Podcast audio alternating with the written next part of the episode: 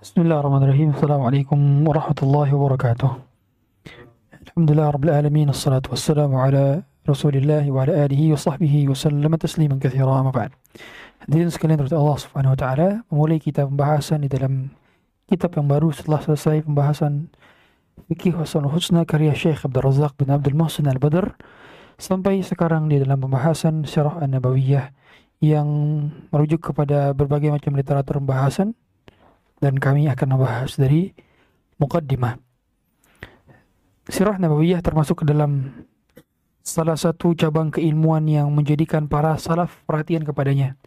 Sampai-sampai Ali Zainal Abidin, yaitu cucu daripada Ali bin Abi Talib, Ali bin Hussein bin Ali bin Abi Talib, yang dikenal dengan Zain, Ali Zainal Abidin, mengatakan, Kunna nu'allamu maghazia Rasulullah sallallahu alaihi wasallam kama nu'allamu surata min al-Quran. Kami diajarkan tentang peperangan Rasulullah seperti kami diajarkan sebuah surat dalam Al-Quran.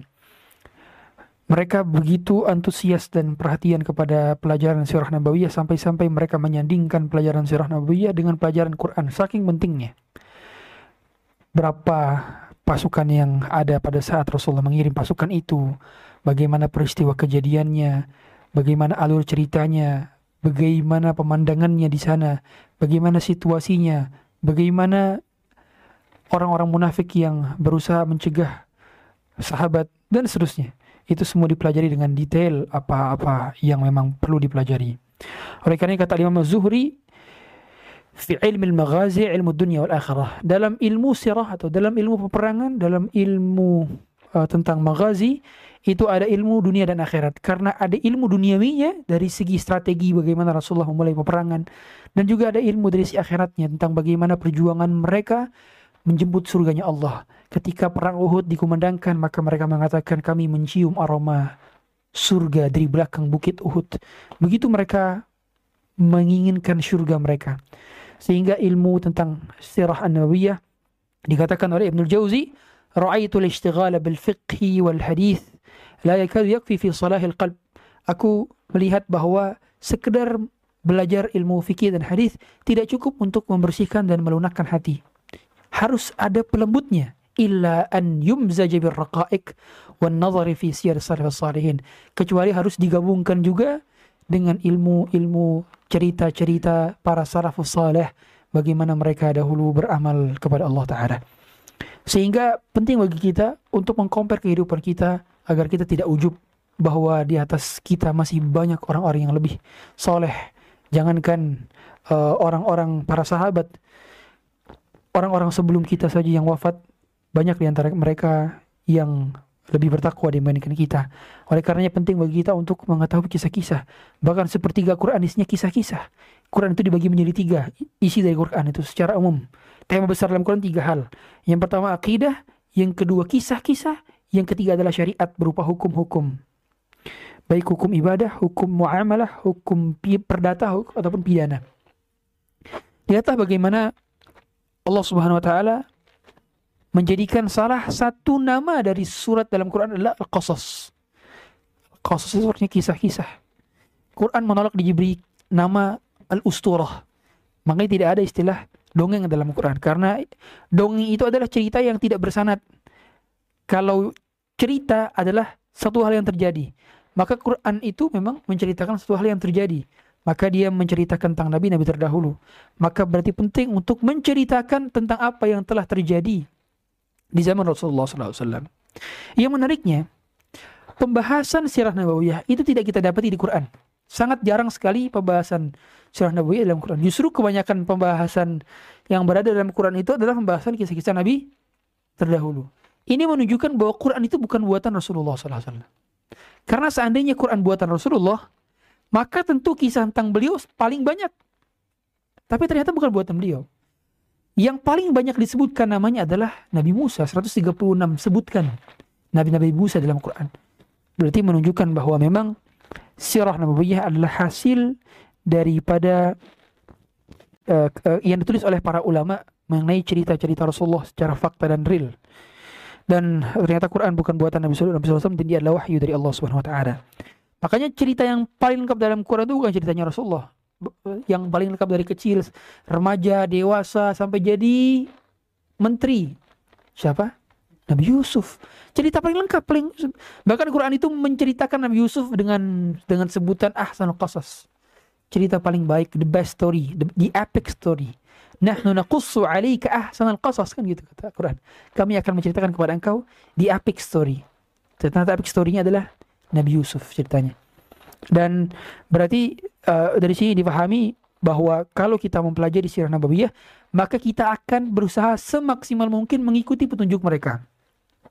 Karena dengan mereka lah kita akan bisa benar ibadahnya, kita akan bisa benar akidahnya, kita akan benar juga cara pandang dalam menghadapi dunia ini.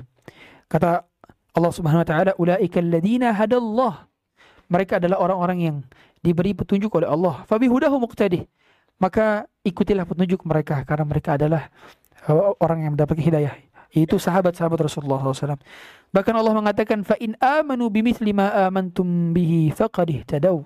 Kalau mereka beriman sebagaimana kalian beriman para sahabat maka mereka pun mendapatkan hidayah berarti keimanan para sahabat menjadi tolak ukur kita untuk bisa mendapatkan keimanan dari Allah Subhanahu wa taala dan mengenai sirah nabawiyah banyak faedah-faedah hukum-hukum jadi hukum-hukum fikih itu didapati dari sirah nabawiyah hukum-hukum fikih nasikh wal mansukh hukum-hukum yang ditetapkan ataupun yang di yang direvisi uh, oleh Allah Subhanahu wa taala, maka itu pun kita bisa mengetahui dengan cara kita mempelajari sirah nabawiyah. Kapan perang ini terjadi, kapan si fulan masuk Islam, kapan syariat ini diwajibkan, kapan syariat ini diharamkan dan seterusnya. Maka uh, kita perlu mengetahui secara detail kapan itu terjadi untuk mengetahui uh, tentang hukum-hukum yang berkaitan dengan syariat Islam. Sampai-sampai Abu Ubaidullah bin Utbah itu mengatakan bahwa kami menghadiri majelis Ibnu Abbas kebanyakan justru tentang kebanyakan kebanyakan justru tentang adalah tentang sirah. Karena dalam perkara sirah itu adalah ada ilmu fikih dalamnya, ada ilmu hadis di dalamnya, ada ilmu berkenaan dengan uh, syariat-syariat lainnya dan masih banyak hukum-hukum lainnya. Dan sirah nabawiyah termasuk bagian daripada agama.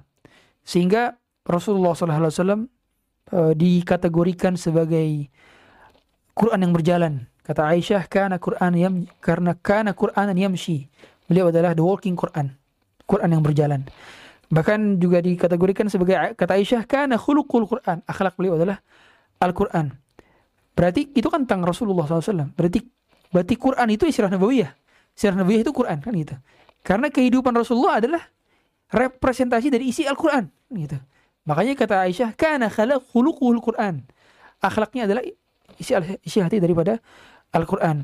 Makanya kalau kita perhatikan bagaimana Al-Quran uh, menceritakan tentang beberapa kisah-kisah perang, perang Badar, perang Ahzab, termasuk perang, uh, perang Ahzab atau perang Khandak, uh, kemudian perang Uhud itu diceritakan, tetapi memang dengan dengan dengan dengan bahasa yang bukan bahasa uh, cerita ya uh, yang detail diceritakan justru di dalam riwayat-riwayat para para sahabat.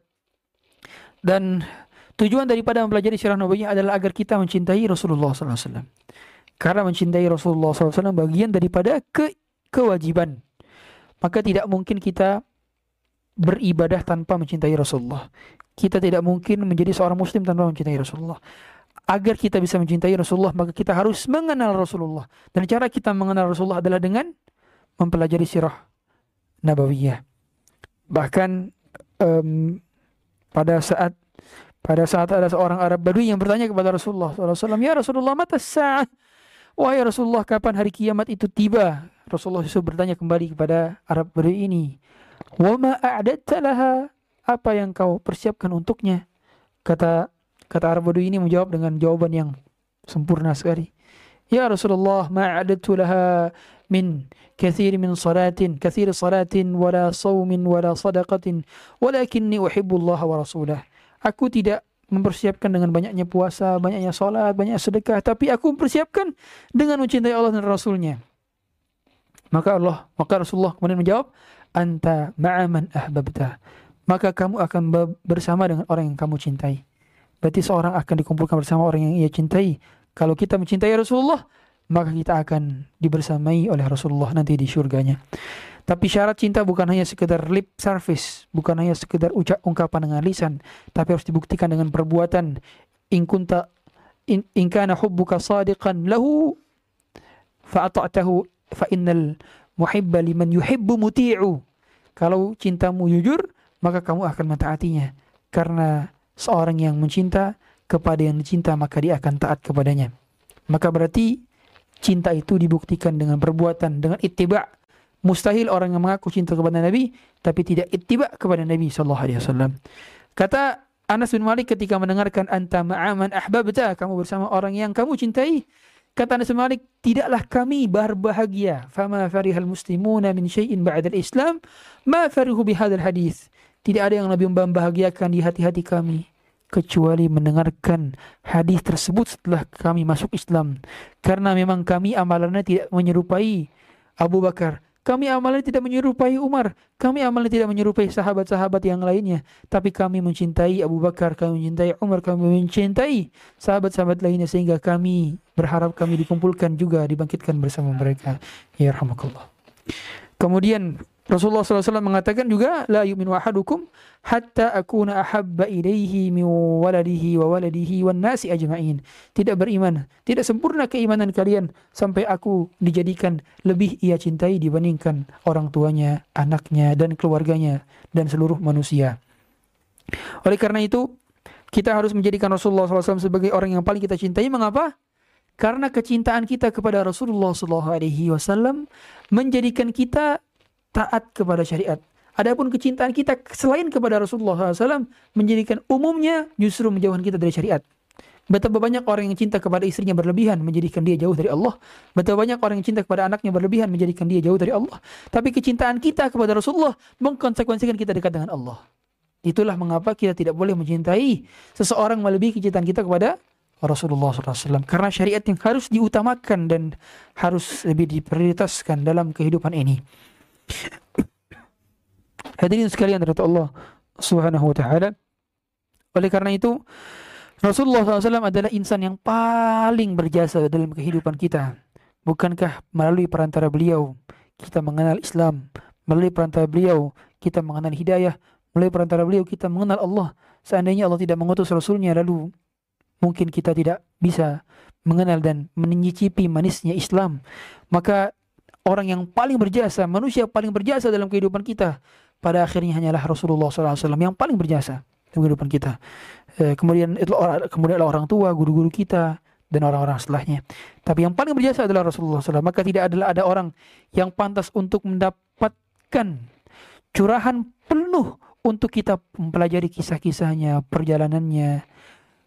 Orang yang mencintai kita, Rasulullah itu selalu mendoakan kita dalam salat-salatnya sebagaimana beliau mendoakan kita dalam salat-salatnya Allahumma gfir li ummati ma taqaddamat wa ma ta'akharat wa ma asarrat wa ma alanat ya Allah ampunilah umatku dosa-dosanya yang telah lalu dosa-dosanya yang akan datang dosa-dosanya yang nampak dosa-dosanya yang tidak nampak Rasulullah mendoakan kepada kita agar diampuni dosanya maka menunjukkan bahwa beliau sangat cinta kepada kita tapi kita sering kali tidak mencintai beliau. Kita malu mengamalkan sunnahnya. Kita malas menuntut ilmu agama. Kita sering lalai menunjukkan bahwa cinta kita hanya lip service belaka, tidak banyak dibuktikan dengan amalan dan perilaku.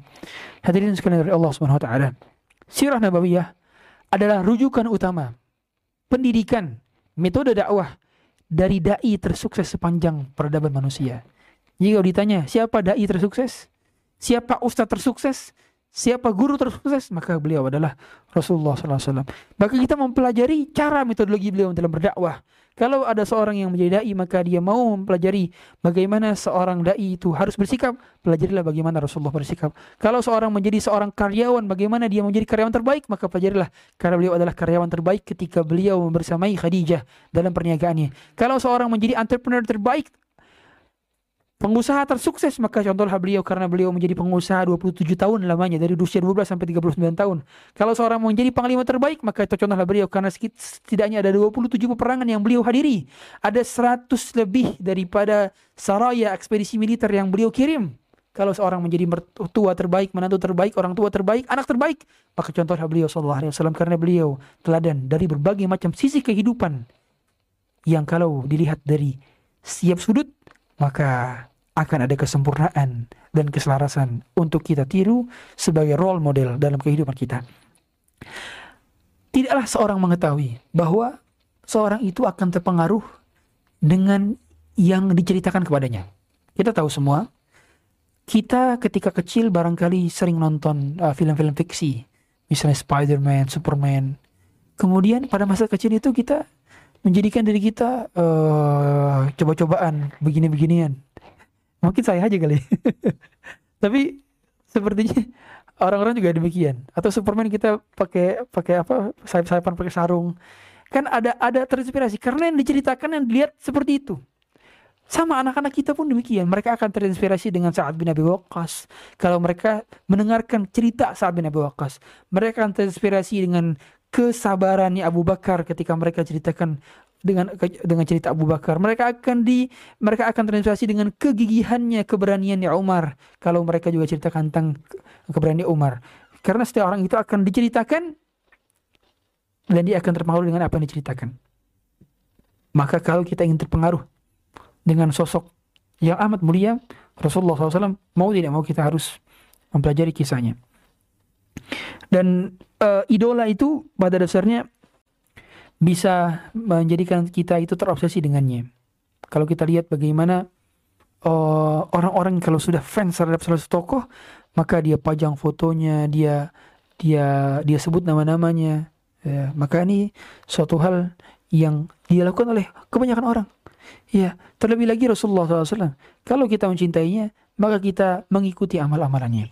Ya, tidak perlu uh, membuat foto-foto karena pada dasarnya dalam Islam tidak boleh membuat foto Nabi, membuat karikatur Nabi Sallallahu Alaihi Wasallam. Kemudian di dalam hal ini uh, banyak orang yang tidak tahu kehidupan Rasulullah SAW dikarenakan mereka uh, hanya sibuk dengan pembahasan pembahasan yang tidak ada faedah dan manfaatnya. Banyak di antara kaum muslimin tidak kenal siapa nabinya, tidak kenal siapa sahabat-sahabat Nabi sallallahu alaihi wasallam. Maka sangat rugi sekali kalau orang tua yang tidak mengenal mengenalkan tentang perjalanan Rasulullah SAW ketika menyebarkan Islam. Yang berikutnya, Sirah Nabawiyah adalah pelajaran yang menyoroti manusia terbaik sepanjang peradaban manusia.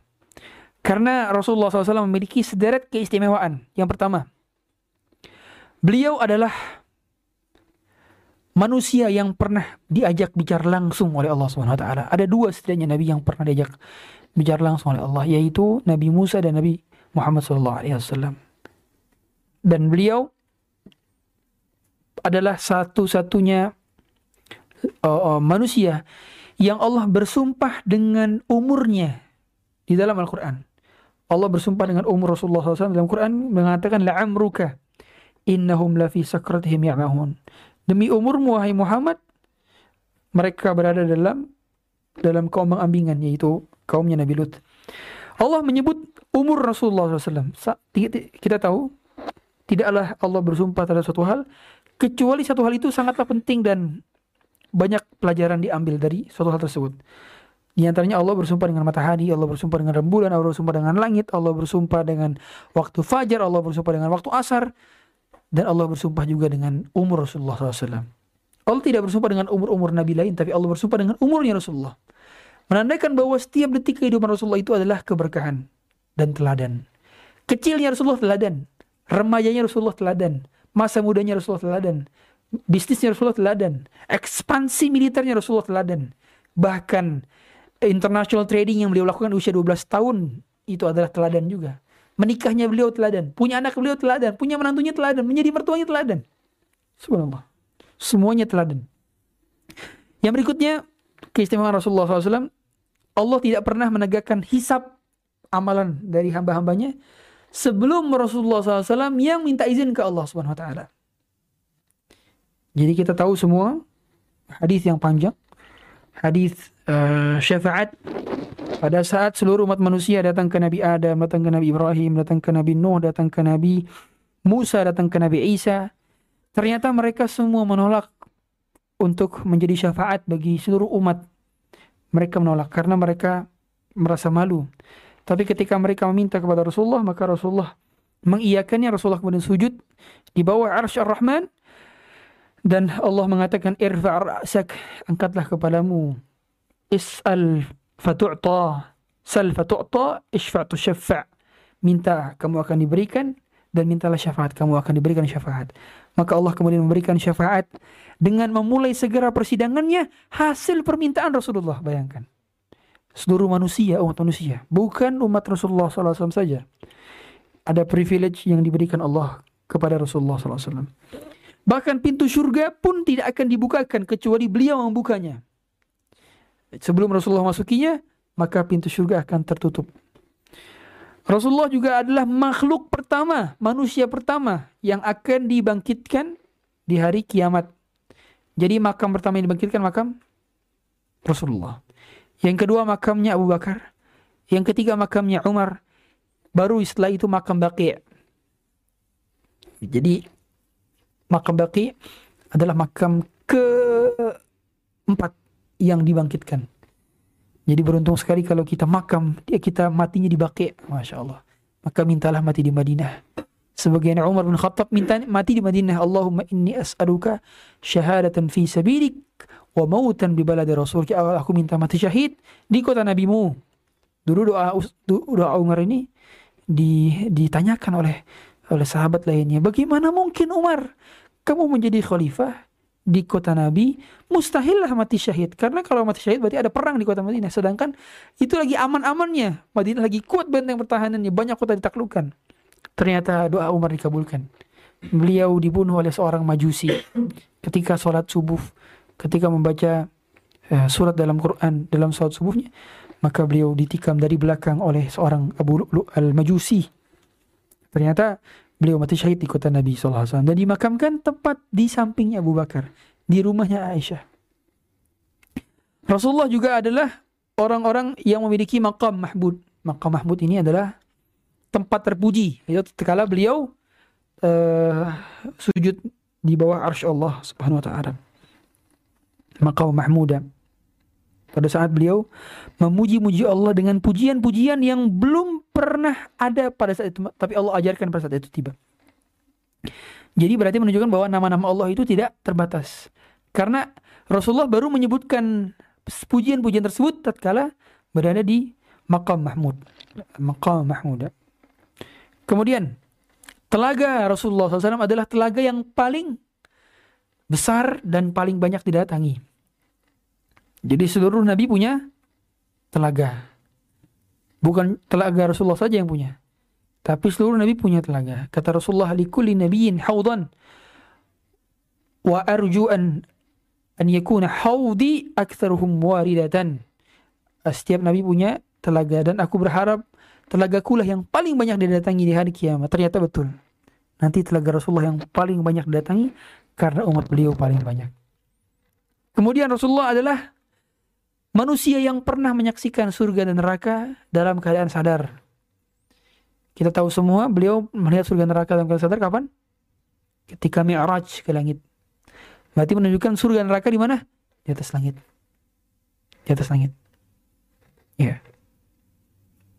Oleh karenanya um, beliau menceritakan bagaimana kabar kabar apa namanya kabar surga neraka itu kan ada sudah ada penghuninya kan Beliau pernah mendengarkan terompahnya Bilal di surga.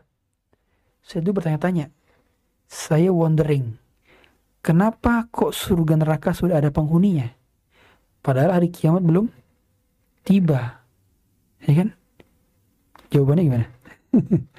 Jawabannya gimana? Ternyata Rasulullah pada saat itu naik apa? Buruk. Buruk itu kecepatannya melebihi kecepatan cahaya ya kan? Dan ketika sesuatu menurut uh, teori Einstein dalam relativitas, ketika sesuatu bergerak lebih cepat daripada kecepatan cahaya, maka dia akan bergerak uh, ke masa depan atau ke masa lalu. Berarti Rasulullah pada itu ngapain? Time travel ke masa depan. Ke masa depan karena sudah melihat ada penghuni surga ada penghuni neraka. Sedangkan kita tahu penghuni surga penghuni neraka kan sekarang belum dibuka pintu surga penghuni neraka. Kalau menurut tadi kan tadi baru bukan itu kata Rasul yang buka kan gitu. Itu berarti Allah tampakkan di masa depan. Karena kenapa? Karena penghuni surga penghuni neraka itu sudah tercatat di Lauhul Mahfuz siapa yang jadi penghuninya. Di Lauhul Mahfuz. Berarti ada luar biasa tuh kalau di, di, di ini ya diteliti lagi tuh luar biasa tuh. Akan diteliti oleh para sains. Kalau orang itu bisa berjalan ke masa depan kalau dia lebih cepat daripada kecepatan cahaya luar biasa. Karena beliau bayangkan nih ke, ke langit. Itu tingkatan tertinggi dari alam semesta ini kan Sidratul Muntaha. Beliau berjumpa dengan Allah Subhanahu wa taala tapi belum sempat melihat Allah. Tempat tertinggi sampai-sampai malaikat Jibril saja tidak pernah ke tempat itu. Mempersilahkan Rasulullah untuk naik lagi ke atas. Berarti menunjukkan bahwa Allah bersemayam di atas arsh. Ini makanya peristiwa Isra dan Miraj itu adalah peristiwa yang membuat orang-orang um, yang di luar ahlus sunnah wal jamaah mereka kebingungan bagaimana menafsirkannya. Ada yang menganggap bahwa itu mimpi saja padahal itu adalah hakikat. Kemudian Rasulullah SAW adalah satu-satunya nabi yang diutus untuk seluruh umat manusia. Kalau nabi-nabi lain diutus untuk kaum-kaum mereka. Nabi Musa diutus untuk Bani Israel, Nabi Isa untuk Bani Israel, Nabi Khidir untuk kaumnya. Makanya di zaman Nabi Isa, eh di zaman Nabi Musa itu ada ada Nabi Khidir juga.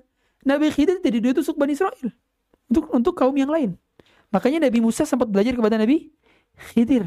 Berarti menunjukkan bahwa di zaman terdahulu itu nabi-nabi hanya mendakwakan kepada kaumnya saja. Ya, hanya kepada kaumnya saja. Makanya kita tahu semua um, Anda tahu kerajaan saya kemarin ke Sangatta mereka bilang, Ustadz di sini pernah ada kerajaan tertua di Indonesia, namanya Kerajaan Kutai. Ya, ya kan kata dia kata mereka kerajaan Kutai itu sekitar abad ke-6 Masehi. Saya Google abad ke-6 Masehi itu sekitar abad para sahabat masih hidup. Ya kan? Karena Rasulullah SAW itu kan lahir 571 Masehi. Berarti sahabat hidupnya itu tahun ke-600-an Masehi kan? Ya kan? Nah, berarti sebelum itu itu pernah ada peradaban di Indonesia. Ya kan ya? Pernah ada peradaban di Indonesia. Karena pernah ditemukan artefaknya di Indonesia. Dan berarti menunjukkan bahwa sebelum Rasulullah SAW datang, itu orang nggak pernah ke dakwah, nggak pernah kena jadi apa menjadi objek dakwah di situ, karena belum belum menjadi objek dakwahnya Nabi kan gitu. Tapi begitu Nabi diutus, maka mereka menjadi mukallaf karena menjadi apa objek dakwahnya Nabi. Tapi kalau mereka belum pernah dengar Nabi, maka mereka mati dalam keadaan menjadi ahlul fatrah. Wa ma kunna mu'adzabina hatta nab'atsa rasulah. Kami tidak akan mengadab satu kaum sebelum kami mengutus ke mereka Rasul. Jadi orang-orang ahlul fatrah, orang yang nggak pernah mendengar uh, Islam, nggak pernah mendengar Rasulullah, nggak pernah mendengar dakwah, maka mereka kalau mati, maka mereka diuji di hari kiamat, disuruh terjun ke neraka. Kalau mereka mau terjun ke neraka, maka mereka masuk ke dalam surga. Kalau mereka mau terjun ke neraka, maka mereka tetap berada di uh, mereka mereka akan masuk ke dalam neraka. Cara yang uji seperti itu. Termasuk orang-orang di pedalaman misalkan saya nggak tahu sekarang masih ada guys suku, suku mungkin masih ada ya pasti masih ada. Di pulau-pulau yang terpencil tuh barangkali itu masih ada orang-orang yang nggak uh, primitif yang nggak kenal Islam sama sekali. Maka mereka uh, itu nanti diuji kalau mereka meninggal dalam keadaan demikian mereka akan diuji nanti di hari kiamat. Ya uh, kemudian dan Rasulullah adalah penutupnya para nabi. Khatamul anbiya wal mursalin penutupnya para nabi. Um, hadirin sekalian Allah Subhanahu wa taala. Sirah Nabawiyah juga adalah lengkap amat lengkap kehidupan beliau. Dan inilah yang membedakan antara kisah Nabi SAW dengan kisah Nabi-Nabi terdahulu. Kalau kita lihat, kisah Nabi Isa itu tidak pernah terceritakan secara rinci bagaimana masa kecilnya, bagaimana masa remajanya, bagaimana masa menikahnya, bahkan tidak pernah terriwayatkan apakah Nabi Isa sempat menikah atau tidak. Nabi Musa juga sama. Tidak pernah terceritakan bagaimana lahirnya, bagaimana kecilnya, bagaimana besarnya, bagaimana remajanya, bagaimana menikahnya, bagaimana hubungan rumah tangganya. Sama nabi-nabi lain juga tidak pernah. Tapi berbeda dengan Rasulullah SAW. Hampir semua diceritakan secara jelas. Beliau menjadi suami, mertua, menantu, cucu, uh, apa menjadi anak, menjadi ayah, ayah. Diceritakan bagaimana dari kecil hingga dewasa hingga wafat. Sehingga kata kata Ibnu Hazm al-Zahiri, al, uh, al Seandainya beliau tidak punya mukjizat kecuali hanya sirahnya saja, maka itu sudah cukup menjadi sebuah mukjizat. Yang mana kalau orang kafir baca sirah Nabi ya, maka mereka akan percaya bahwa ini adalah seorang nabi. Kalau mereka baca sirah Nabi aja mereka akan yakin ini Nabi. Ini bukan manusia biasa, ini Nabi. Oleh karenanya beliau Sallallahu Alaihi Wasallam lengkap menjadi guru-guru terbaik, teladan-teladan terbaik. Dan sirah Nabawiyah ini adalah kisah yang memang otentik, kisah yang uh, otentifikasinya itu terjaga. Dia bukan kisah dongeng-dongeng karena tervalidasi oleh transmisi sanat yang jelas. Nggak ada nabi-nabi terdahulu coba cerita bagaimana Nabi Musa dahulu begini begini begini itu nggak ceritakan secara jelas. Kita hanya bisa mendapati kisahnya Nabi Musa yang betul-betul kisahnya adalah dari mana Quran. Adapun kitab-kitab yang lain tidak tidak terjamin keasliannya karena sudah terdistorsi baik ditambah-tambahkan atau dikurang-kurangi oleh orang oleh rahib-rahib atau ulama-ulama dari mereka. Makanya yang kita pelajari adalah sosok yang memang betul kenyataan, bukan cerita-cerita yang ditambah-tambahkan. Makanya para ulama e, berusaha memisahkan antara sanad-sanad yang sahih antara sanad-sanad yang dhaif dari setiap hadis. Kemudian hadirin sekalian dari Allah Subhanahu wa taala dari setiap peristiwa yang Rasulullah SAW lakukan itu semua ada pelajaran ibrah yang bisa kita ambil petik hikmahnya. Karena kita tahu semua hadirin bahwa sejarah itu akan mengulang peristiwa. Ada istilah at-tarikh yu'idu nafsahu. Sejarah itu akan mengulang ceritanya.